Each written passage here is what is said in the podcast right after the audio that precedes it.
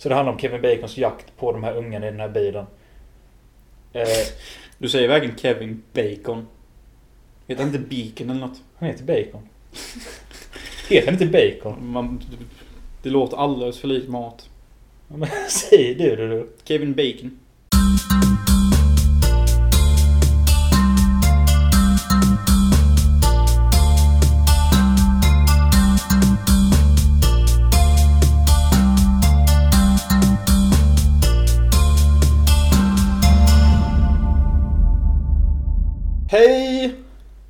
Välkomna till Hansen Möllers filmpodd. Vi sitter här i studion med mig, Jonas Hansen. Och mig, Robin Möller. Mm. Jag är då en extrem filmtittare. Eh, om man ska jämföra med normalitet. jag har tittat på film sedan jag fucking föddes och det är typ det enda jag har gjort.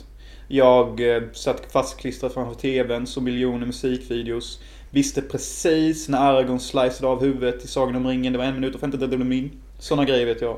Helvete vad du kör på direkt. Det är det som är mitt mellannamn. Jag kör och jag tar över. Okej. I eh, normala poddar så brukar det ju börja med att man frågar varandra lite så hur läget är och sånt. Men det kanske räcker bara att vi skippar det för att vi kanske inte ska sabba stämningen direkt. Jag kan spela bal. Hur är läget Melle? Hur är livet? Helt okej. Eh, jag kan ju... Jag, ställer, jag kommer inte ställa någon följdfråga till dig men jag kan ju fortsätta på ditt spår. Du kallar dig själv för... extrem filmtittare by eh, normality. Eller alltså, helt ärligt vad jag försökte säga är att jag kollar på jävligt mycket film. Eller jag gjorde i alla fall förr. Och alltså jag gör det fortfarande. Det är bara det att det är så svårt för mig att verkligen bli insugen av en film. För jag accepterar inte skit på samma nivå som jag gjorde när jag var mindre.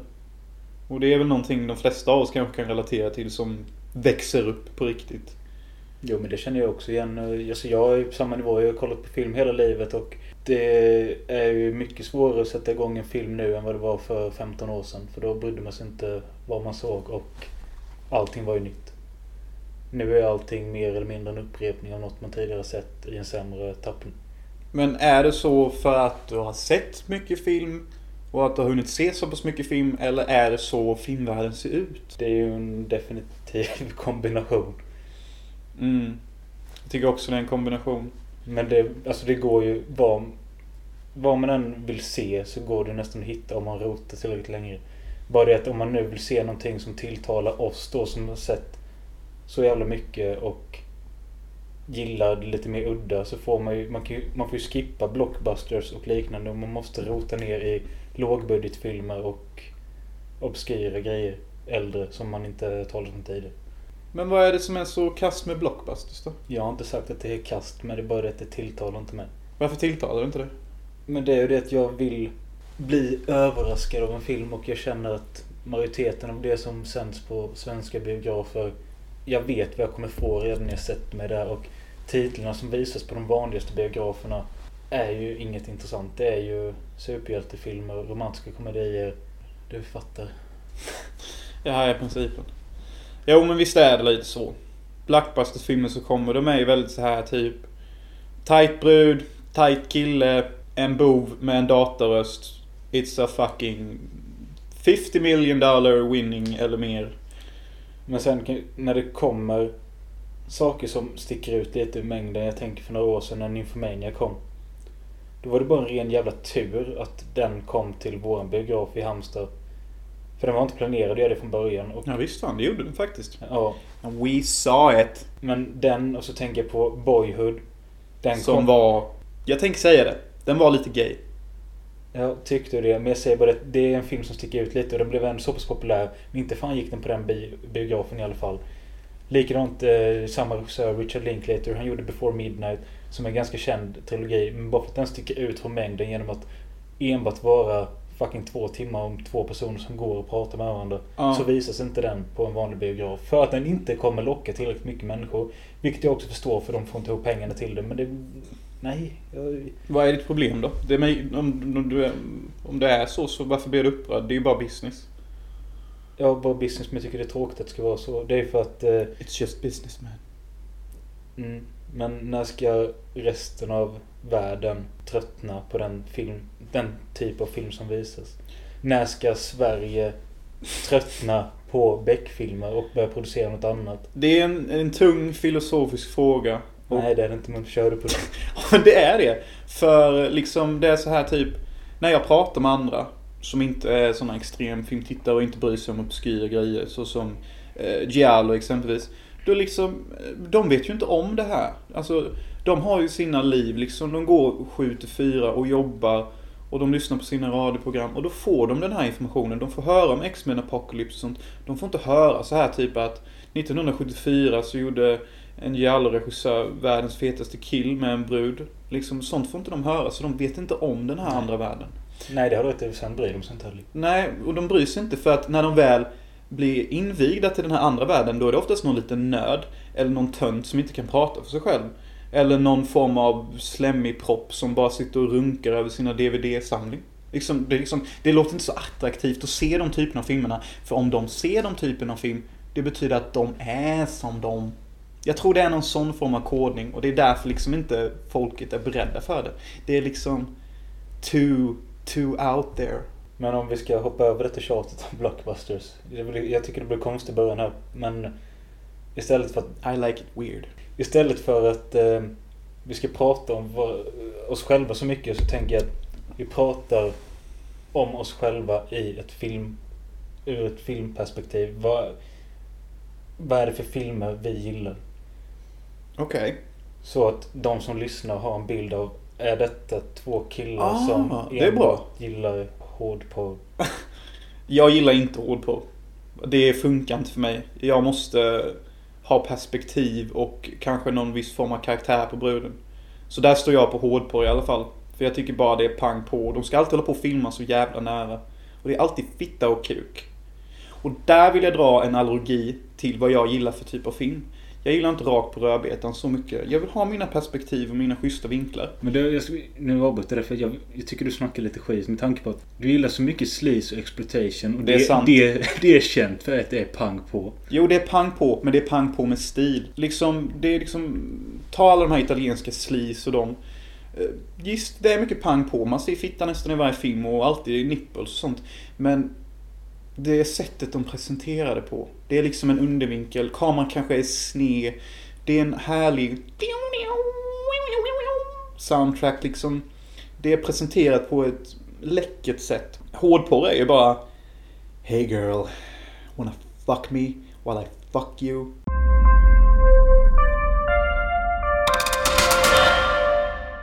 Jag kan ju då säga att om jag ska ha några go-to-filmer så det är jag svag för. ja, Det kanske inte är så självklart men när jag märker vilka filmer jag återkommer till så är det coming of age-filmer. Ungdomar som växer upp och det behöver inte direkt handla om någonting mer än deras uppväxt. Gärna med tragisk bakgrund. Eh, det speglar också in att jag gillar filmer med dysfunktionella familjer och relationer. Typ Happiness. Ja, det var det förslaget jag kom på just nu. Mm, men happiness är ju bra.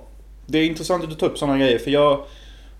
Jag är också inne lite på Mölles spår där. Jag gillar inte den här coming to age grejen. Jag är typ... Jag känner att jag är förbi det.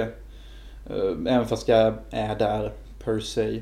Men vad hette den du gillade? Nej, du, eller gillar du den Landox? Jo, jag gillar Landog som fan. Det är ju lite av den, men den är lite mer... Men den är väl inte coming of age? Jag menar hon är ju 11 och han är ju 45. Ja, men det behöver inte...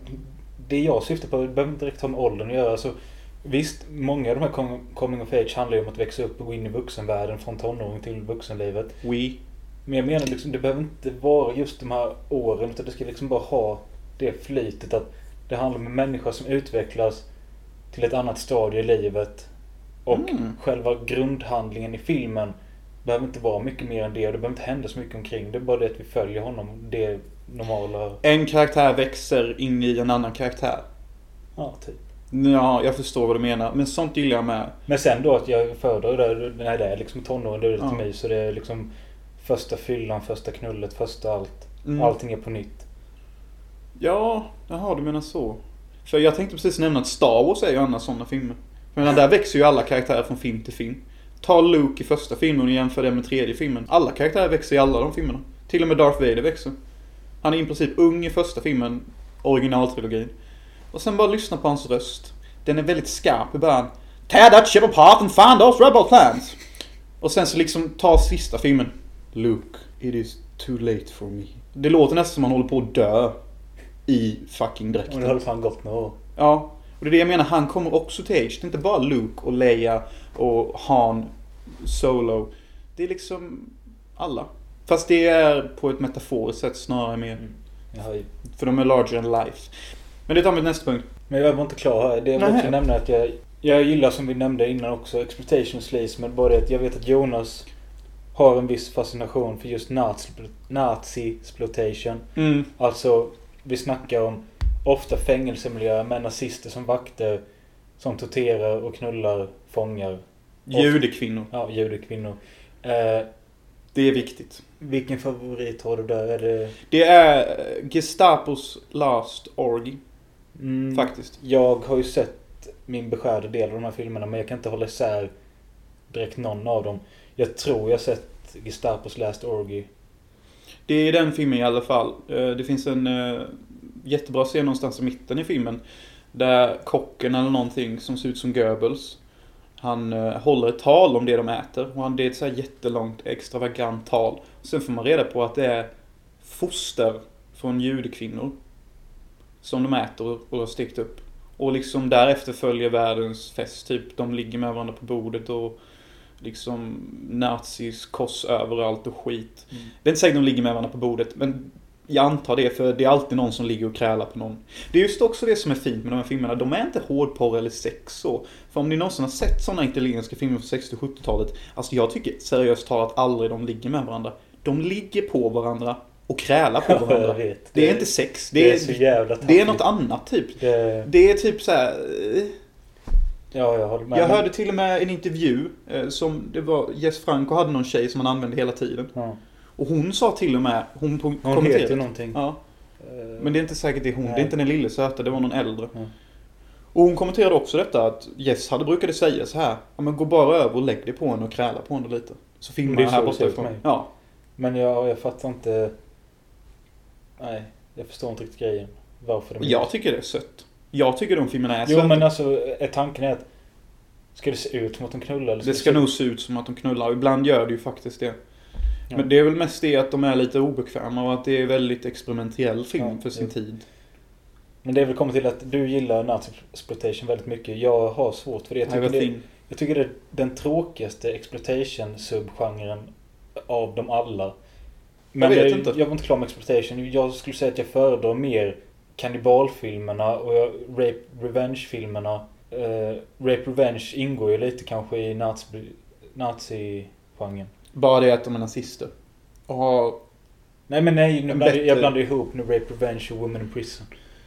Ah. För Women in Prison är ju väldigt lik Nazi. Ja, och så är det. Women in Prison. eh, na- Nazi-plantation är en subgenre till Women in Prison som i sin tur också är en subgenre. Så Nazi-plantation är den lägsta nivå av subgenre man kan hitta. Skulle jag påstå. Min plan att vi skulle börja vårt första avsnitt med att inte vara för obskyra, den har ju gått rätt åt fel håll. Men det är lika bra att visa vilka vi är. Men, eh, Jag är en fin människa också. Alltså, jag har inte kollat på en Nazi-plantation-film på säkert ett år. Jag har mina infall där jag bara liksom laddar ner och bara ser typ två stycken och bara Oh my fucking god. Liksom nästan kommer typ. Men alltså jag har lite speciell fetisch det här med nazister och det är någonting som vi Många av oss har. Och många av oss kan bara erkänna det i hemlighet. Men inte jag. jag kan eh, tillägga också att jag är ett ganska stort fan av David Lynch. Eh, det kanske vi båda är. Bara det att jag... Jag är mer kritisk än vad Mölle. Ja, trots att han är mer kritisk så ger han högre betyg till filmerna, vilket säger någonting. Ja, det är lite speciellt.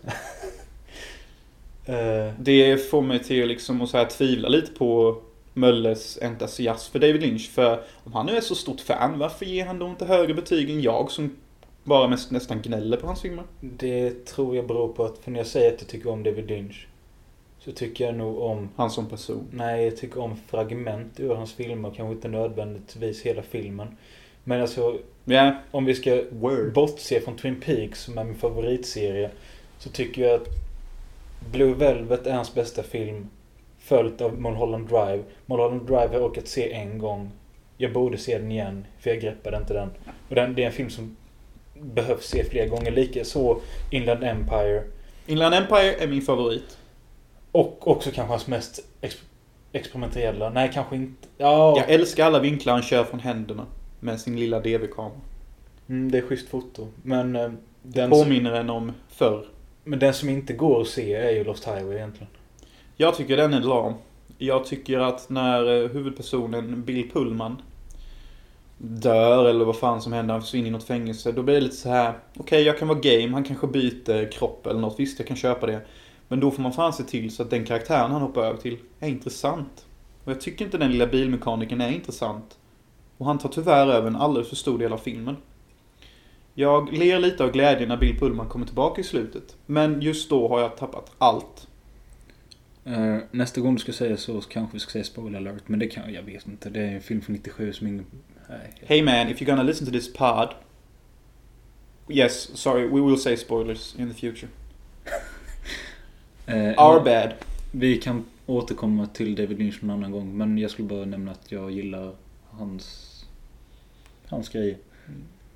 En annan grej jag tycker är väldigt viktigt i filmer, det är så här, jag har ju snackat mycket exploitation och oh, det ska vara ditt och datt. Men jag tycker väldigt mycket om när man har romans i filmer, om det inte är den här vanliga romansen. Det får liksom, det får inte vara någon jävla romcom som man bara laddar ner, typ. Utan ta Highlander till exempel. Jag tycker det funkar väldigt bra med romansen där, för vi har liksom Connor McLeod, spelad av Christopher Lambert. Han är liksom så här, han är odödlig. Liksom, han kan leva förbi henne. Det adderar en ny vikt till konceptet av att umgås med någon. Ta hans första fru Heather. Han stannar med henne ända tills hon blir Palpatine i princip. Och sen så liksom dör hon. Det blir så här typ... Hmm, hmm, hmm. Fattar ni? Ja, någorlunda. Vad jag försöker säga är, som jag inte verkligen... Du gillar inte eh, den realistiska... Nej, alltså, jag vet inte om det är realistiskt, men jag gillar inte den här... Det är någonting vi ofta återkommer till när vi tjatar om filmer, eller när vi pratar om filmer. Jag säger alltid ja, jag gillar det för det är så realistiskt. Du gillar ju inte det. Nej, jag gillar inte det. Inte när det kommer till romans.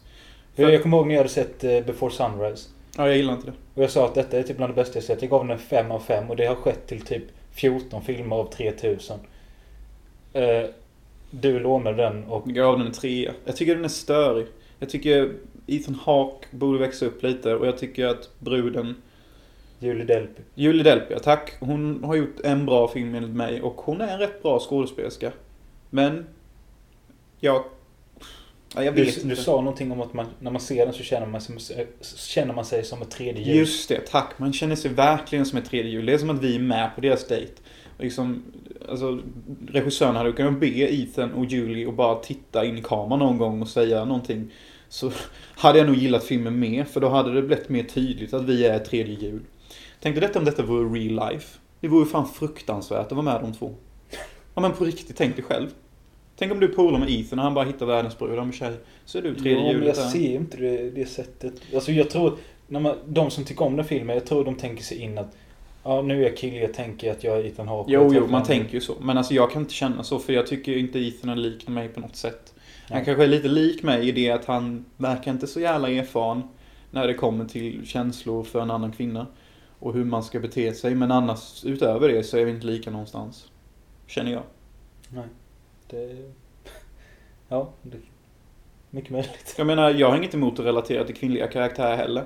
Men jag tycker inte Julie Delpy är så mycket av en karaktär i den filmen. Det enda jag minns hon pratade om, det var att hon såg farmor. Och det var faktiskt Ethan som sa det, kom jag på nu. Såg farmor. Ja, hon såg ju farmor. Eh, Snackar de? Nej men i början så berättade han ju för henne att eh, hans farmor, hennes farmor hade dött. Och dagen efter så ser han henne glimsa, eller glittra genom en sån här hosing water. Och då vet han att det finns mer till livet än det livet vi lever. Och det är också då Julie säger i slutet att jag visste att jag var kär i dig när du sa det. Fan jag kan filmen mer än dig och du har gett henne en femma. Ja. Det är det här jag menar, det är allt det där. Jag verkar kunna och veta liksom mer varför filmen funkar och sånt men ändå så ger han högre betyg än vad jag... Fattar ni? Ja, men det gäller ju inte allt. Nästan. Du är dum i huvudet. Du har ju mer femma än vad jag har. Jag har 23 femma tror jag. Mm. Och liksom... För att jag ska sätta en femma, jag tycker det är viktigt att gå in på det. För det här är viktigt för mig, det är heligt alltså. När jag sätter en femma. Då är det för att jag har slutat tänka på världen utanför filmen. Jag har slutat tänka på att Fan, borde jag dra en runk sen? Borde jag byta kläder? Borde jag duscha? Borde jag ringa morsan och säga någonting? Alltså sån skit existerar inte i min värld. Utan jag är bara inne i filmens universum och vad filmen säger till mig. Och jag glömmer bort allt som har med tid och rum att göra. Och jag pausar inte filmen och jag spolar inte i filmen. Då är den femma. Och den talar till mig på ett unikt sätt. Hanse Möllers filmpodcast alltså. Nej, filmpodd. Ja. Vi säger inte podcast. Nej, sorry. Men i alla fall, Hanse Möller det är vårt efternamn. Och det är det namnet vi har använt när vi har gjort eh, våra kortfilmer och eh, även långfilmer. En långfilm som snart kommer ut på DVD. Själanöd heter den. Spirit of Agony på engelska. Ja. Eh, mer om den någon annan gång. Of course. Det är därför det heter Hanse Möllers filmpodcast. Vi kommer inte på något bättre. Det var smidigt att köra med det. Okej, med whatever floats our boat. I alla fall, vi har inte bestämt hur ett avsnitt riktigt ska se ut. Och eftersom detta är ett pilotavsnitt så kommer detta vara lite... Detta kommer skilja sig från kommande avsnitt om vi nu bestämmer oss för att fortsätta med detta beroende på hur vi känner att detta gick. Min tanke för kommande avsnitt är att varje avsnitt har ett tema. Vi har pratat om att eh, första avsnittet egentligen skulle handla om att vi skulle gå igenom alla Rocky-filmer. Mm. Eh, Men eh, det valde vi att inte göra nu för att jag har inte hunnit se om allihopa. Och jag vill ha dem färskt i minne för att kunna snacka om dem. Utöver då att varje avsnitt ska ha ett specifikt tema. Det kan vara vilket tema som helst. Alltså Rocky-filmer eller skräckfilmer från 00-talet. Eller filmer av David Cronenberg eller vad som helst. Det kan vara vad som helst. Ja. Så tänker jag också att varje avsnitt kommer ha olika små inslag eller segment av annat. Vad de segmenten kommer vara, det vet vi inte än. Men Men självklart kommer vi också prata om livet med faktiskt. Alltså film är ju liv. Och liv är film. Men det är ju så. Ja. Alltså jag menar liksom, eh, det finns ju anledningar till att vissa filmer får femmor och vissa filmer får tvåor. Det är ju för att vissa erfarenheter och upplevelser i livet har gjort och format en. Så att när en film kommer och talar till en på visst sätt så blir det en femma. Desto mer man lever, desto mer, mer vikt får filmer. För det blir lättare då att koppla ihop film och liv. Och till slut kanske det går så långt så att film och liv smälter ihop. Och Tack Djuplund. Och det är då man når stadiet som jag pratade om innan när en film får en femma. När den bara penetrerar en och bara Jonas, detta är en femma. Du vet varför det är det. Du bara känner det. Nej, man vet inte. Man känner, okej? Det är skillnaden. Fyra vet man. Tre vet man. En fucking etta känner man också. Ettor och femmor är sådana man känner dem.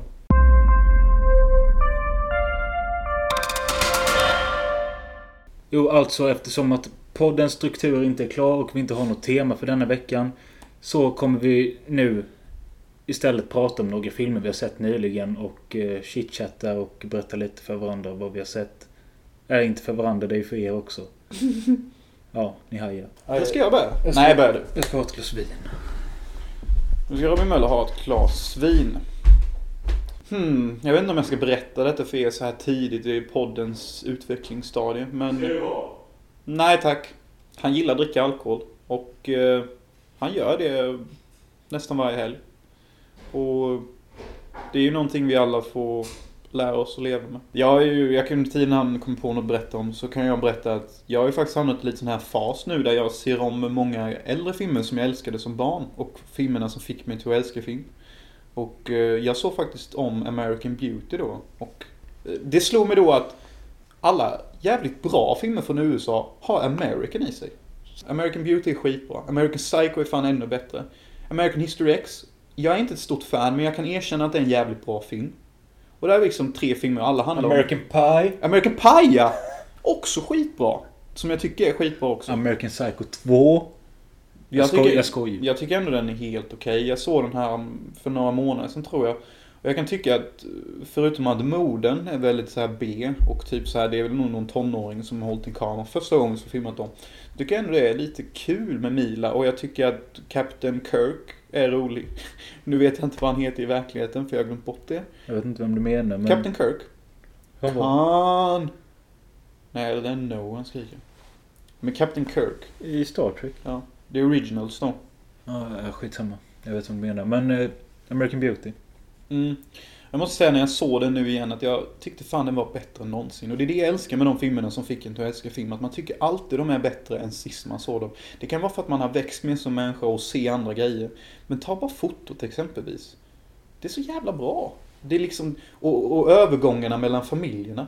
Ta den där creepy ungen som filmar allting och tycker allt är vackert. Så här, det, det jag kommer ihåg på American Beauty, nu var det kanske, kan det vara, sex, sju år sedan jag såg den sist. Det var nog först, jag kanske sett den två gånger men det finns bara tre saker jag kommer ihåg med den. Eller, förutom det att jag tyckte den var väldigt bra. Jag har nog bara satt en trea på den men den förtjänar i alla fall minst en fyra tror jag. Minst. Det jag kommer ihåg är att jag tror den börjar med att Kevin Spacey runkar i duschen. Anledningen till att jag kommer ihåg det var för att det kändes som... Fan vad gött att de börjar med ett runk i en dusch. Sen kommer jag ihåg när de Det för det första vill jag tillägga, det är, det är piken på hans dag. Det- Jag tycker det sätter en bra ton. Ja precis, det är ju skitbra ju. För det förstår man. ja. Eh, sen kommer jag ihåg det klassiska med han som filmar sin påse och det är världens vackraste grej. Och när jag såg det denna gången för några veckor sedan. Jag kunde faktiskt inte låta bli att skratta. Jag För det har näst- gråta. Nej, för, ja. för Det är precis som i Family Guy. För då kommenterar de också det. Då springer Peter in och skriker It's just a fucking plastic bag in the wind. Och typ något sånt. Och den här killen håller på i nästan en minut och bara The universe is so connected. This plastic bag dancing through the waves of eternity. Blessing us with its presence. Man kan inte låta bli att le. Nej men jag, jag kan gilla sånt när det blir liksom överdrivet töntig djuphet. typ. Ja, det blev ju det typ. Ja men det tredje grejen i alla fall jag kommer ihåg det är ju det här... eh, Vad heter hon? Mina Suvari när hon ligger där med rosorna och det. Du kan hennes namn. Ja, Det är imponerande. eh, ja hon är ju med i American, American Pie, Pie. och... Eh, fan gjorde hon så? hon var populär då och jag gillar henne. Det är synd att hon inte är så populär nu. Hon är med i musikvideon i låten Teenage Dirtbag på grund av att den var soundtracket till filmen. Den, den var soundtracket till filmen Loser. Som kom i samma veva som American Pie. Fun fact. Jag har alltid gillat Loser. Men okej, vad är det... Varför växte American Beauty på det? Därför att jag gillar som fan. Han säger så här, hans liv är skit. Toppen av hans dag är när han runkar i duschen. Okej, hans liv suger. Men jag gillar det att han säger så här, It's never too late to change. Och han börjar tänka tillbaka på när han var en ungdom och bara flippade burgare och att den där enkla livsstilen utan familj och utan flickvän och när han bara levde livet och rökte på att det var piken av hans liv och han hittar tillbaka till det i 40-årsåldern och bara lever i det. Röker på, skaffar nya vänner, tränar, har visioner om livet, blir nykär. Om de som inte vet vad American Beauty är inte förstod det, Det jag sa. Ja, så handlar American Beauty om Kevin Spacey som spelar en man med 40, i 40-årskris. Som blir Typ. kär i en ung tjej typ. Ja, han blir kär i någon 17-åring. Typ. Och det är alltid massa rosor med när han tänker på henne. Och det är ju fint, så det är ju en nice touch. Det blir ju ikoniskt för filmen. Och jag tror liksom om man håller upp ett omslag så kan nog vem som helst känna igen det. De kanske inte har sett filmen men de vet att det var en film som kom 2000 någonting eller var det Ja, 90? omslaget eller affischen är väl bara en navel. Eller är det mage och navel för dig? Med ros ja. Ja, det är det. ja. Först, ja just det, det är det. Det jag också kommer ihåg från den det är att den har ett väldigt skönt pianoklinkande som soundtrack. Väldigt lugnt. Jo men soundtracket är inte så mycket att anmärka på. Det är nästan som vilket som helst i den typen av film. Vi kan klippa in fem sekunder här.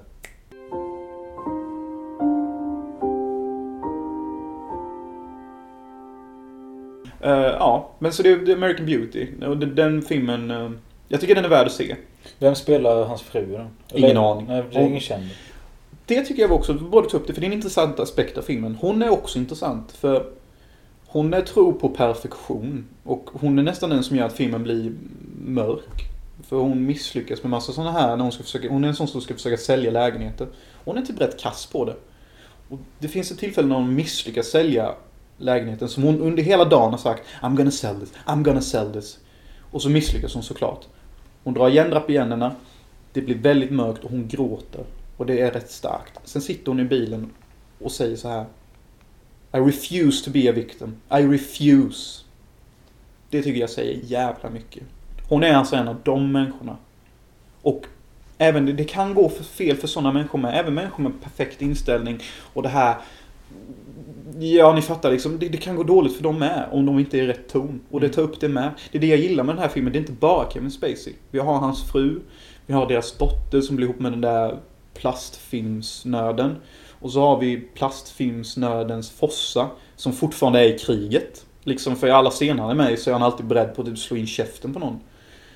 Och liksom även han fläskas ut som karaktär. Och det är bra som fan. Alla fläskas ut, även fast Kevin är i fokus. Det är alltså en rekommendation. Det är verkligen en rekommendation. Jag blir sugen på att se om den och jag kan med det svaga minnet jag har av den också rekommendera den. Om man nu kan göra det. Det är klart man kan. Ja. För i den här podden finns det inga regler.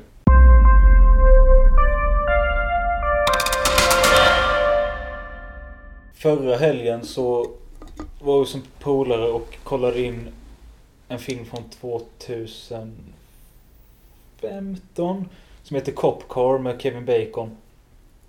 En film jag varit lite taggad på rätt länge för att jag kände att 80 minuters 80 minuter thriller med Kevin Bacon som handlar om en polisbil. Det kan vara bra. Jag tyckte helt ärligt det lät skittråkigt. ja, men jag, utan någon anledning så har jag trott att det här skulle vara någonting för mig.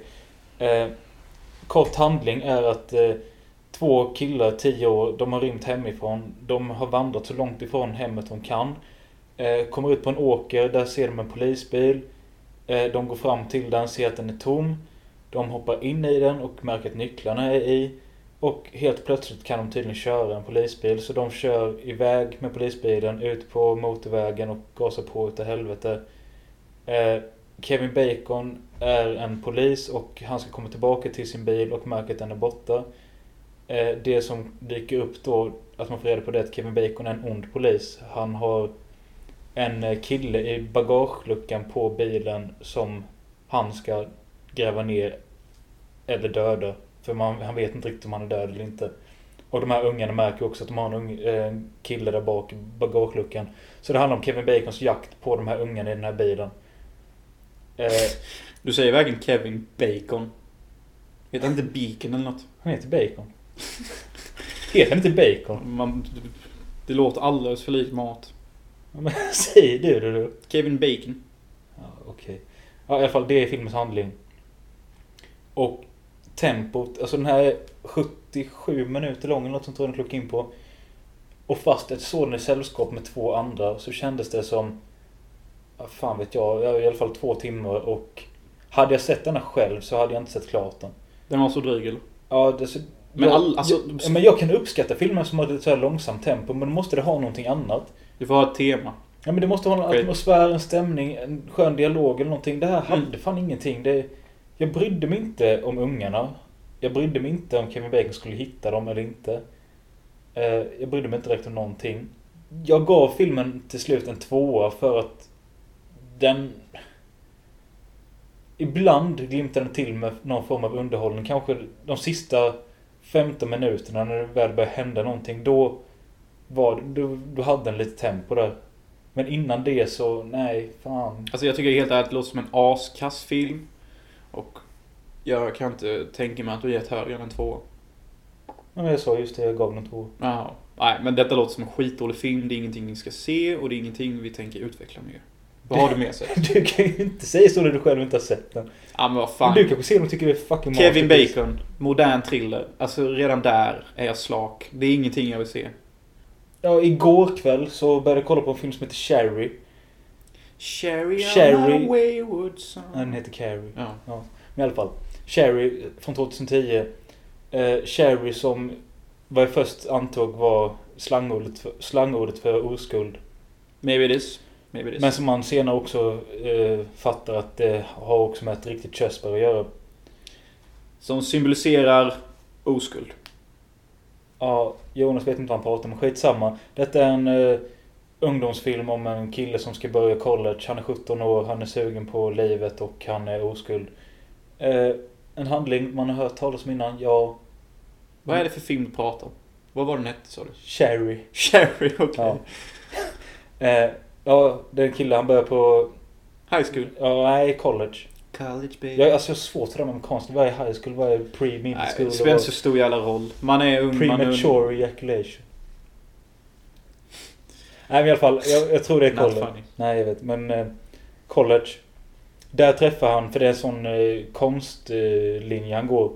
Och på den här konstlinjen så hamnar han eh, ett säte jämte en 35-årig riktigt snygg milf. Eh, hon börjar snacka med honom och Mm. flörta med honom. Han blir sugen på henne med för att hon är så pass snygg. Det, detta leder till att de har flera lektioner ihop och hon bjuder hem honom till sig. Han tror att det kommer bli någonting. När han kommer dit och ska få middag så får han träffa... Eller han märker då att hon har en 14-årig dotter. Mm. Är hon också grann eller? Och det jag vill komma till är att filmens största behållning är den här 14-åriga dottern som spelas av Britt Robertson. Som har varit med i vilken film för de som inte kan det namnet? Eh, Det är ett namn som jag tror inte många känner till men som jag antar att man kommer känna till om några år. Alltså? Jag har sett henne, jag såg, jag kollade upp det här om dagen. Hon är med i Scream 4. Jag, jag kommer inte ihåg vilken. Vem? Jag vet inte. Scream 4 är den bästa Scream, tycker jag. Ja, men hon är med i en film som heter Ask Me Anything. Eh, en också handlar om hennes liv i high school eller något. Den var rätt bra. Också en som heter The First Time som handlar om hennes första gång hon ska ligga. Den var också helt okej men ja... Jag, jag vet inte om jag tycker om filmerna på grund av henne.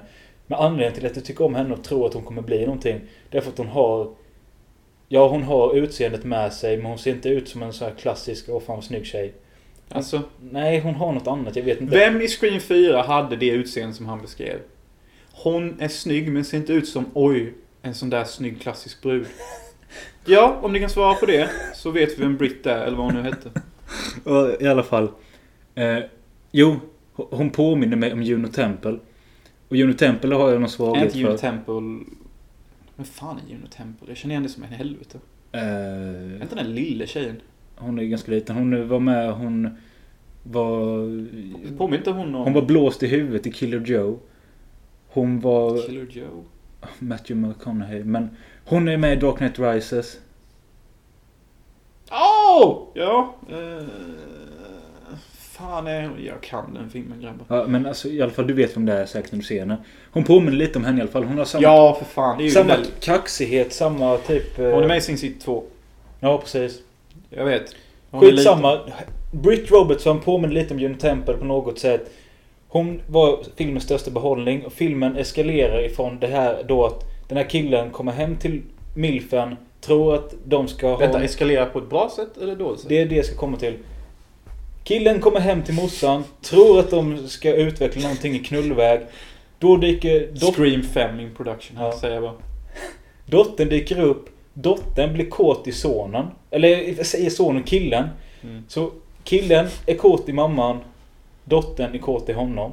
Nej, jag hänger inte med.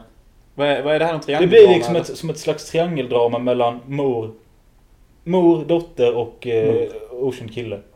Mm. Eh, så det handlar om de tre. Cherry. Ja. Cherry, ja. Ja. Och han vet inte riktigt. Gillar han den 14 tjejen? Ja det gör han. Men vill han ligga med henne lika mycket som han vill ligga med hennes morsa? Jag tror han hellre vill ligga med morsan. Eh, det, För hon är äldre. Och hon kanske har hamnat i klimakteriet. det är ju det att den här morsan har ju haft lite problem innan med alkohol och piller och sånt. Ännu bättre. Det blir inget barn på grund av en förstörd livmoder. Ja, precis. Eh. Det är ju en no-brainer. Jag gillade filmen skitmycket fram tills de sista 20 minuterna då jag tänker att Fan det här blev inte riktigt vad jag ville ha. Nej. Men det blev heller inte riktigt jävla skit. Och det var en fin bild på de alla tre jag pratade om tillsammans som... Varför var det fint? Nej men liksom det var... Jag vill inte avslöja för mycket men jag tyckte bara den bilden där den gjorde någonting för mig. Okej. Filmen får en 3 av 5. Jag är inte säker på om ni ska se Cherry. Jag tycker nog ni ska strunta i det. Jag försöker tänka på Så det menar här. du har bara en film du har sett nyligen? Som du tycker är värd att nämna. Så du behöver inte nämna något som är bra. Ja, okej. Okej. Har jag sett något dåligt? Alltså jag ser ju jag ser mycket film, men alltså saken är med mig. Jag, jag, jag har väldigt svårt för att se färdigt filmer. Jag brukar tänka så här att om en film inte ger mig någonting eller inte har något unikt till sig så ser inte jag färdigt filmen för jag känner inte att den är värd min tid. Det är också någonting som jag tycker är viktigt att diskutera. Att är en film inte värd sin tid, varför ska man då tvinga sig själv att se igenom hela? Alltså kolla här. Man kan på en kvart läsa av en film om det inte är något speciellt eller någonting som är annorlunda.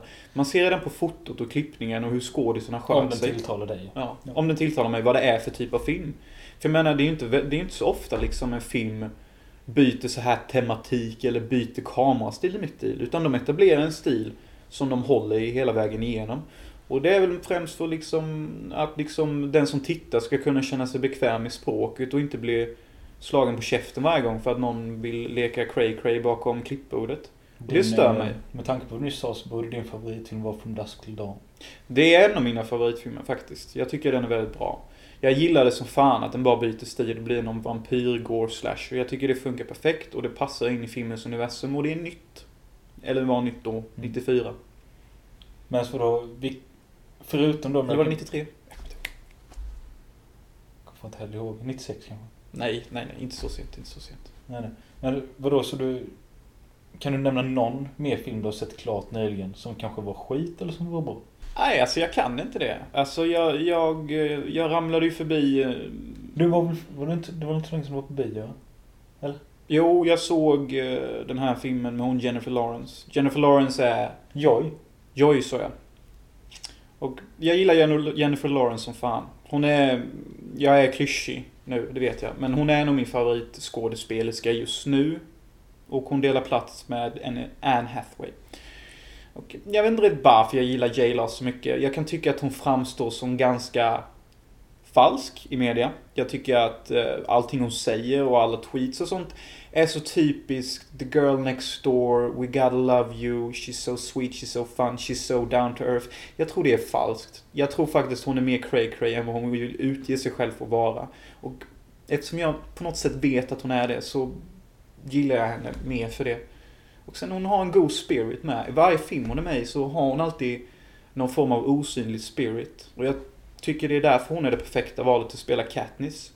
För hon har the spirit, liksom. Katniss i Hunger Games. Hunger Games, tack. Man fattar liksom varför hon är en leader, alltså man vill följa henne. Men i alla fall Joy. Jag tyckte inte den var så bra. Alltså, Det är alltså, som jag fattar rätt, detta är samma regissör till... Eh... En annan skitbra film. Ja, men vad heter originaltiteln? Du gör mig galen är på svenska och det är Silver Lining Playbook på Ja, amerikanska. ja. Och Silver Lining Playbook är ju faktiskt en film jag satte en femma en gång, men som jag nu har sänkt till fyra. Och eh, där är ju en film som jag faktiskt, där, det är också någon film, jag gillar romansfilmer mycket. Och det är, en, det är ett bra typexempel på vad jag gillar för typ av romans. Den är lite så här, den är mörk, den är skum, den är inte så tydlig i sina riktlinjer. Om man säger så. Vad var det med Joy som inte funkade?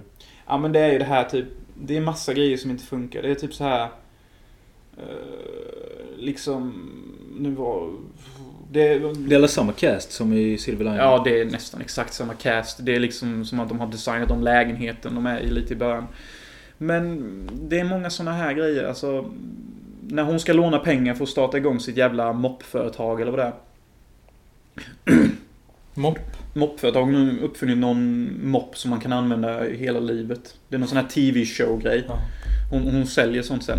Det är liksom lite så här, för den hon ska låna pengar av då, hon säger så här ganska ordagrant, typ bara If someone tries to steal your money and there's a gun on the table, will you pull the gun? Redan där går vi in i en klyscha, för det är någonting många sådana säger i sådana filmer. Och hon säger, det är klart jag tar pistolen, jag ska ju försvara mitt företag. Vi som publik räknar ju någonstans med denna dialogen som ändå tog fem minuter att gå igenom.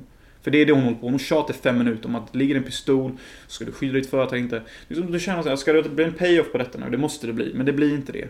Och den här filmen har många sådana grejer. Det är många grejer som etableras och som sen inte får payoff. Det känns nästan som en snabbproducerad feministfilm. Eh, som försöker bevisa att kvinnor kan bli någonting. Men det som jag verkligen gillar med filmen, det är det som jag tycker gör att den är skitbra, trots att den inte är det. Det är att den pekar verkligen på att vill man få någonting gjort så får man fan se till att göra det själv. Vill man nå sina drömmar och allt som skit, du, du, du, du, du kan inte samarbeta med någon. Du, du, du måste ta tag i det själv, du måste göra det. Och vi får tydliga exempel på det genom hela filmen. När de ska sälja hennes moppgrej exempelvis. Då är det någon liten fet herre som gör det åt henne och han fuckar ju upp det såklart. Sen kommer hon inne och gör det själv med sin stil och sin charm och bara är sig själv och då lyckas det. Och hon säljer fan hundra stycken miljoner sådana eller någonting. Och så, så gör filmen hela vägen igenom. If you want something done, you better do it yourself. Tagline. Är det? Nej men det kunde varit. Ja. Jag var ju lite taggad på denna men jag, jag tror jag skippar den. Alltså jag orkar inte med det. Men du, är inte De Niro med? Jo, De Niro spelar någon fossa som är det- ute till henne. Tänker på mig, alltså han... Han borde tänka på pension. Nej. Ja men alltså jag blir så An trött. actor never retires. Nej, det kanske man inte gör. Men jag, alltså... Typ när han började med Släkten i väster, de filmerna. De är bra. Då, jo de är helt okej. Men då känner jag bara, fan vad trött han är. Vadå trött? De Niro är ett trött skådis. He's an old man. Jo, men det är typ sån där jag bara... Nej. Jag, jag, jag, jag, nej, jag skiter i han. Men tror du inte han är lite så när han går på ett sätt nu för tiden? Yeah, you know, I'll, I'll do that, I'll do that role. I'll, I'll frown a bit when I say my punch. Den bästa De Niro-imitationen jag någonsin hört. Var den bra eller? Nej. You looking at me? You look at me Sonny? How about I take this fucking pen and stab you in the fucking eye? Det är Joe Pesci som säger det. Yeah, I know. I know. Ja. Men i alla fall. I know. Ja, jag tycker De Niro är trött. Skit i det. Ja, han är en cool pike. Det är han. Men han börjar bli trött. Det kommer bli jävligt sorgligt att se han gå bort. För det kommer han göra snart tyvärr. En annan eh, trött skådis jag tänker på. Eller trött och trött, men som jag är trött på att se. Kan du gissa? Samuel L. Jackson. Ja, precis. Ja, men det är många som tycker det börjar nästan bli en sån här internetgrej. För att han är liksom med i varje jävla film. Fun fact här. Eh, Samuel L. Jackson är that guy som han uttryckte själv. Det finns vissa regissörer som inte vill prata med honom verkar det som. Alltså. Och han hatar när någon annan får hans roll som han siktar efter. Och det kan vi nästan förstå för han är ungefär med i nästan fyra filmer varje år. Mm. Och jag har hört en intervju att Samuel L. Jackson älskar att göra film och det är allt han vill göra. Mm. Jag har hört att han inte Det åker... kan man gilla mig. Ja, det gillar jag som fan. Mm. Jag har hört att han inte han åker på semester. Han gör bara film. Och det är allt han vill göra. Okej. Jag kan nästan förstå hur han har blivit det för han började i princip inte göra film förrän han var typ 45 med Pulp Fiction där och den där Nej gangsterfilmen. men eh, han, jag, som jag har hört det som så, han var väl kriminell eller något satt inne eller något sånt. Jaha, Men sen, sen vet jag att det jag tycker är lite häftigt med, jag vet inte om det var hans första film, men en av hans tidigaste roller var i en traumafilm som jag inte kommer ihåg titeln på. Death by någonting. Men inte Terrorfirm? Nej, Death by någonting heter den. Eh, så det är rätt häftigt att gå från kåkfarare, om han nu var det, eller om han missbrukade eller om han var, till trauma, till typ världens populäraste skådis. Ja, det är rätt sjukt ändå. Det är sjukt att han blivit världens populäraste. För jag, som Mölle har poängterat i baktiden, om det ens är ett ord, är att han gör samma roll hela tiden. Och det är någonting folk på internet pekar ut också. Ta till exempel Mace Window, The Jedi Master. Alltså, seriöst. Han beter sig som en gangster. Och liksom, det kanske funkar, men han är den personen i vilken en roll han gör. Den gången jag har sett han göra sin bästa roll, det är faktiskt i Django Unchanged. Ja, där, men där är Där att tycker jag han är skitbra. Han är lite mer gammal och gaggig där och hård och... Ja, han, han är som någon slags negerpapegoja. Liksom. Ja. Alltså, det klassiskt uttryckt sagt. Så ni PK-människor där ute, håll inte på att komma i brallan nu. För liksom, det är så man sa för att beskriva en sån karaktär som han var, okej? Negerpapegoja, jag har aldrig hört. Men Nej. okej, jag förstår din Men ni gamlingar som lyssnar, ni vet vad jag menar. Ja, Och han är ju det, han sitter ju över Leos axel hela tiden och bara Mm. Det är en papegoja ju. För jag tänkte när jag såg trailern till Hate for Late och han började babbla där. Mm. Då tänkte jag att detta är ju samma grej han gjorde i Pulp Fiction. Bara det att han har ändrat sina ord till att passa i cowboymiljö typ. Ja, exakt. Så jag kan faktiskt inte förstå varför han har blivit så pass populär. Det är väl det att han är så ikonisk och egen i det han faktiskt har etablerat. För det finns ingen som är som Sam. Och det kommer aldrig komma någon som är som honom. Sam är unik. Och vi kommer sakna honom också när han går bort. Men jag, alltså jag har faktiskt två filmer till jag vill prata om. Shoot. Den eh, första av de två är Daddy's Home. Eh, vilket är en... Jag tycker den var skit. Jag har också sett Har den. du sett den? Ja. När fan då? Det bara att kolla på min filmtipssida så kan ni se. Alltså snackar vi om samma med... Mark Wahlberg. Märk. Märk mina ord nu! Mark Wahlberg och eh, Willy. Ja, Will Ferrell. Save Willy. Jag såg den när jag var bakfull förra helgen. För jag tänkte att ja, det kan vara skönt Nu är med... vi tillbaka på den här helgalkoholismen jag pratade om innan. Ja. Smyger sig in. Men Bra, kan erkänna det. på, jag såg den på en söndag och jag tänkte ja, lättsam komedi. The Other Guys var rätt kul och jag gillar Mark Wahlberg och jag gillar Will Ferrell till viss mån. finns bara en grej som är värd att nämna i The Other Guys. Och det är hoppet när de ramlar i asfalt. Det är skitkul. Jag kan skratta åt det fortfarande. I alla fall jag tänkte att ja, den här duon kan ju funka igen. Kanske. Ja, Så att men varför inte? Satte på den utan några vidare förhoppningar. Tyckte den började så, ja detta kan nog vara en trevlig film. Sen så händer någonting 25 minuter in. Ja, vad hände då? Då ska... Då ber Mark Wahlbergs tuffa, coola karaktär, Will Ferrells mesiga karaktär, kan du flytta på min motorcykel lite? Där bara händer någonting.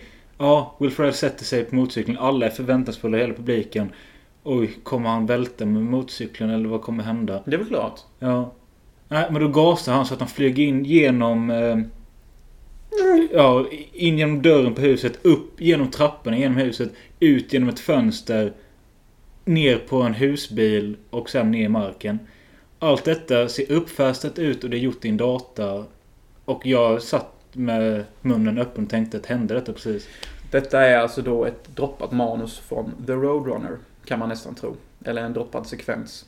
För det är ungefär så det upplevs som. Vad heter Roadrunner på svenska? Mui, mui. Ja, men vad heter det på svenska? Jag har ingen aning. Skalleben eller någonting. Ja, men det är inte det som är snusbrett? Nej. Nej, du, det är han den där jävla... Ja, skitsamma, jag vet vad du menar. Ja. Kul julben. Men alltså efter det, alltså jag såg inte färdigt filmen. Alltså jag betygsatte den och så. Men alltså sen så började jag hoppa i filmen. Det jag där gillar jag inte. Jag tycker det är okej att man inte ser klart filmer, men du får fan inte betygsätta. Det kan jag väl göra. För jag sa ju nyss innan för typ 20 minuter sedan att man kan ganska tidigt avgöra vad det är för typ av film och vilka Mm. skämt man kommer bli levererade.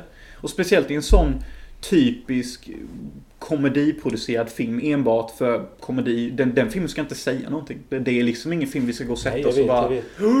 Så då liksom, då är det okej. Det är okej. Det är okej. I alla fall efter den här motorcykelgrejen. Då, de, jag hade ju bara, det enda jag ville se var liksom en skön lättsam komedi. Men efter det så blev jag nästan irriterad för jag tänkte att jag, jag orkar inte med den här skiten. Sen så slutade den vara, den var inte riktigt så barnslig sen utan sen så blev det liksom normal dramakomedi. Men sen då, en timme in, då ska den coola Mark Wahlberg eh, skata i en ramp.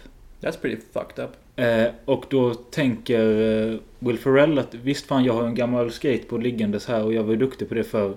Jag ska fan visa han så kanske min fru tycker jag också är häftig som Mark. Detta känns sett, eller hur va? Ja, ja, det gör det. Eh, och han ställer sig uppe på ett tak som är ovanför den här jävla urrampen då. Och ska droppa från taket ner i rampen och göra ett häftigt trick. Och eh, de bygger upp, men vilken låt var det? Det var i alla fall en bra... Eh, jo! Det var rätt eh, oväntad låt. Det var The Offsprings Self-Esteem. En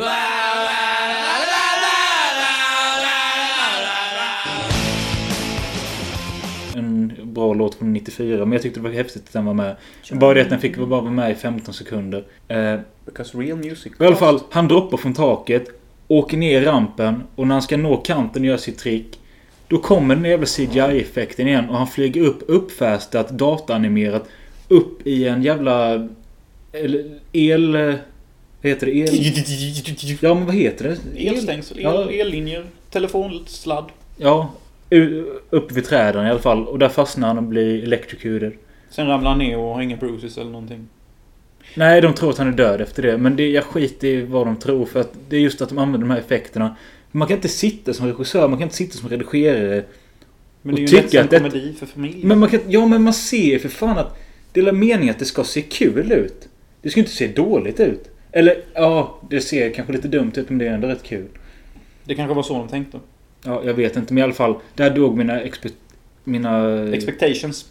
Ja, men det var inte, det, för mina, mina förväntningar hade redan dött. Det var något annat som dog då. Han dog på insidan grabbar. Sen efter det, helt ärligt, så kommer jag inte ihåg så mycket av filmen. Men jag vet jag såklart den... Det slutade med att jag satte en, en, satte en tvåa på den. Fast den egentligen kanske förtjänar en etta. Men jag tyckte det var kul att återse Linda Carl, Cardellini, heter hon det? Eh, the Lina. som jag verkligen tyckte om i eh, Judd Apatows serie Freaks and Geeks från 99. Så hette Nollor nördar på svenska. Ja men det var intressant att säga det. För du vet, efter han har ramlat och slått sig då. Han ser inte bruised ut eller någonting va? Det är Mm. som att han har kommit ur bad typ. Men jag vet inte om han har sådana vet, brännmärken i ansiktet. Jo, jo lite, lite har jag. Men det var det som, då kom jag på nu varför jag inte tycker om blockbusters och sån skit. Alltså vi har alla dessa stora actionfilmer och de slåss som fan. Och typ, ta bara Captain America Civil War. De slår på varandra som fan. Jag kan på något sätt tycka att Captain America Civil War har bra actionscener och bra stunts. Men det jag inte tycker om, det är att de kan slå varandra så jävla mycket och det blir inga sår på dem. Men i alla fall, de slår på varandra som fan. Men det är liksom inget blod, de, de får inte blåmärken. Och då blir jag så här väldigt utdragen i film. För jag kan känna så här att hur kan man slå någon 30-40 gånger utan att det syns? Alltså för mig pajas illusionen av att detta ska vara upphetsande och nice. För det jag tycker om mest med fighter och sånt, det är när man får se resultat av vad nävar och skit gör. Jag håller med dig fullt ut. Min Mm. goda vän. Men det jag vill komma till då. Jag vet att du är ett sånt big fan av Die Hard. Ja. Så mycket, Första. så mycket stryk som han får där. Och han, ja, han Men det har, visas ju. det är inte mycket som visar. Ja, I första är det. Men han borde vara död ju. Ja, ja, Ja, jag ja, menar att det behöver inte vara realistiskt. Bara Nej, allting, det- all, varenda måste- slag ska få Ja. ett ut... Ja. För där syns allting. När han blir skjuten så rinner det blod där. Hans fötter är helt blodiga vid varje... Alltså varje grej har en konsekvens. Man ser att han ser värre ut för varje actionscen han går igenom. Det är någonting de tappar på desto längre serien går. Speciellt femman för de som har klarat sig hela. Jag pratade med en kompis om dagen och han sa att han tyckte Die Hard 4 var så jävla häftig. Den är häftig. Det har faktiskt En- stund. Jag tycker den har en scen som är värd att diskutera. Och det är när han slåss med den här tajta asiaten i hissen. Och bilen är där och allting. Jag tycker det är någonting. Ja, Maggie hon som alla Nej, inte påstår... Maggie Chu. Jo, hon som alla påstår har en sexig röst genom hela filmen. Vilket är kul. Eller jag vet inte. Den scenen är bra. Det är ingen Die Hard-scen skulle jag påstå. Men det är en bra scen. Snyggt filmad, spännande. Men resten av filmen är dålig. Tyvärr. Förlåt Bruce. Jag såg ju den senaste Impos- Mission Impossible. Rogue Nation. Och eh, Så klart den. Ja, jag, jag såg faktiskt hela, men jag har inte åkt betygsätta den för jag känner, frankly speaking, att den var inte värd det. Jag vill inte påstå att den var skitkass, jag tyckte om den på många sätt. Jag tyckte de hade filmat hon svensken. Hon, det är ju Ja, just det. Vad heter hon? Rebecca Ferguson. Ja. Hon var väldigt, hon var väldigt duktig. Hon var jäkligt snygg. Alltså, det var så här. Man ville verkligen ha henne som flickvän. Hon var, hon var sexig, underbar och kunde slåss och allting. Och hon skulle, de fångade hennes kropp på ett sånt jävla snyggt sätt. Det var inte så här typ sexualiserat. Utan jag tänker speciellt på den scenen. Hon har den där långa, eleganta gula klänningen. Och hon ska koppla ihop sitt uh, jävla flöjtsnipergevär. Alltså, de väljer att inte filma hennes ansikte. Men filma alla ben, alla kropp. När hon klättrar upp för stegen så har de en jättefin vinkel som är rak ner på henne. Och man ser hennes axlar som klättrar upp. Och när hon går upp för trappan så är det benen. Och liksom den här fanan som är hennes gula klänning liksom fladdrar bakom henne. Det var väldigt Det är elegant och snyggt. sexualisering av... Det är sexualisering med stil. Och därför är det bra. Men det är också, Möller går in på något smart där. Jag, jag tyckte inte direkt om henne som karaktär. För hon är mest sexig och underbar och kan slå ner vem som helst. Men det är också tråkigt, det som jag pratade om i början. De måste vara skadade. Det är ju så mycket snack om... Kvinnor Kvinnor och att de ska film. vara starka och sånt. Men de har liksom bara blivit starka. Kolla på lite mer filmer utan pengar där folk får göra vad de vill. Då är oftast inte kvinnorna lika jävla våpiga och odugliga. Men alltså det är de ju inte i Blockbusters heller. Alltså det är ju just Det det som är min poäng. Att kvinnor är ju, de är för starka. Det har liksom, det har slått över. Ja, det kanske det har. Jag var länge sedan. Ja, då, du måste se mer Blockbusters märker jag. För att alla kvinnor kan tydligen karate level 100. Alltså ta bara hon mm, Catwoman fast i Marvel-universumet då. Hon... eh, Scarlett. Scarlett Johansson. Hon kan sina kicks, hon kan sina hips, hon kan sina flips. Och det är någonting som alla kvinnliga hjältar tydligen kan. Alltså typ, en kvinna kan inte slå ner en man med brute force. Det köper inte publiken. Hon måste kräla runt mannen, slänga sina långa ben runt deras halsar och liksom sex attackera dem ner på marken. Alltså, de har blivit sexualiserade fortfarande. Det är fortfarande sexualisation på gång. Men det är med våld istället. Alltså, Eh, det, det är nästan ett skämt att se en kvinna slåss i film. Alltså jag tycker det är upphetsande och jag gillar det. Det är klart jag gör. Jag är ju man och tycker kvinnor är sexiga. Men jag kan tycka att det blir väldigt så här. Visst, jag blir kåt, men jag blir inte kåt på det sättet att jag vill kanske prata med henne. Och där missar Blackbusters en stor, viktig poäng. Man ska inte bara vilja ligga med henne. Man ska faktiskt också vilja prata med henne.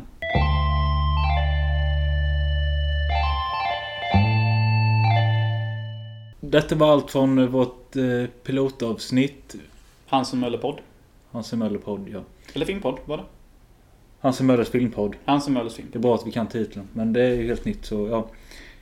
Det, det vi kommit fram till. Eh, vi sa att vi inte visste riktigt vad podden kommer leda till. Och vi kanske inte fortfarande riktigt vet hur exakt den kommer vara formad. Men vi kommer prata. Så glöm... Vi kommer prata och troligtvis blir nästa avsnitts tema romantiska filmer som sticker ut ur mängden. Och nu kanske ni tänker så här, åh, romans. Gud vad tråkigt. Men nej. Nej, nej, nej. Med romans som sticker ut så menar vi, det kan handla om liksom en pedofili-kille. Det är en annan, det är en typ av romans det också. I hans universum så är det romans. Så liksom, var inte, bli inte skrämda över att detta kan bli tråkigt. Det kan bli mycket spännande. Ja, ni förstår. Liksom Lola, eller vad heter den filmen gjord av han? Lolita. Lolita, tack. Det är ju en romansfilm, fast en annan tolkning. Den Ja. filmen är ju otroligt intressant. Men man, så, ja, man kan ju dra det hur långt som helst. Men jag nämnde Happiness innan. Fast Se. det är ingen... Jo, det, mycket handlar om romantik där med. Ja, och ta till exempel Highlander. Även fast romansbitarna inte är det som är fokus direkt så är det också en romans som sticker ut. På grund av anledningarna jag nämnde innan. Om ni vill kolla in våra egna filmer och vad vi själva håller på med om dagarna. Där det även kommer läggas ut info om podcast och så vidare. Eh, så är det på Facebook Hansen slash Möller. Alltså. Enbart det, inte filmpodd eller något sånt efter. Utan det är Hansen slash Möller. Ni kan även kontakta oss på mail och där är mailadressen hansenmoller hotmail.com. Ställ alla frågor ni vill. Vi har även ett Instagramkonto som heter Hansen Muller Art. Alltså A-R-T. Yes. Där vi också lägger upp lite bilder om vad vi håller på med och sånt. Yes. Och jag ska också starta en egen kanal där jag kommer diskutera filmer samt göra commentary tracks på olika filmer. Och det är Wine to That. Glöm inte att kolla in det med. Det kommer också postas på Hans Möller så ser ni inte det på den individuella kanalen kommer ni se det där. Och det är alltså Wine 2 Dat. Ja. Det här var allt från oss denna vecka och detta avsnitt i Hans Möller podd.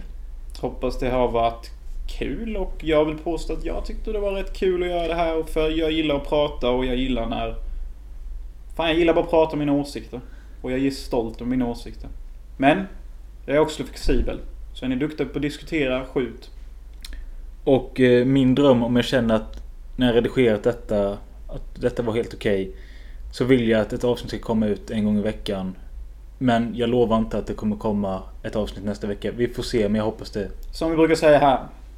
Vi lovar att vi inte lovar något. Tack och hej.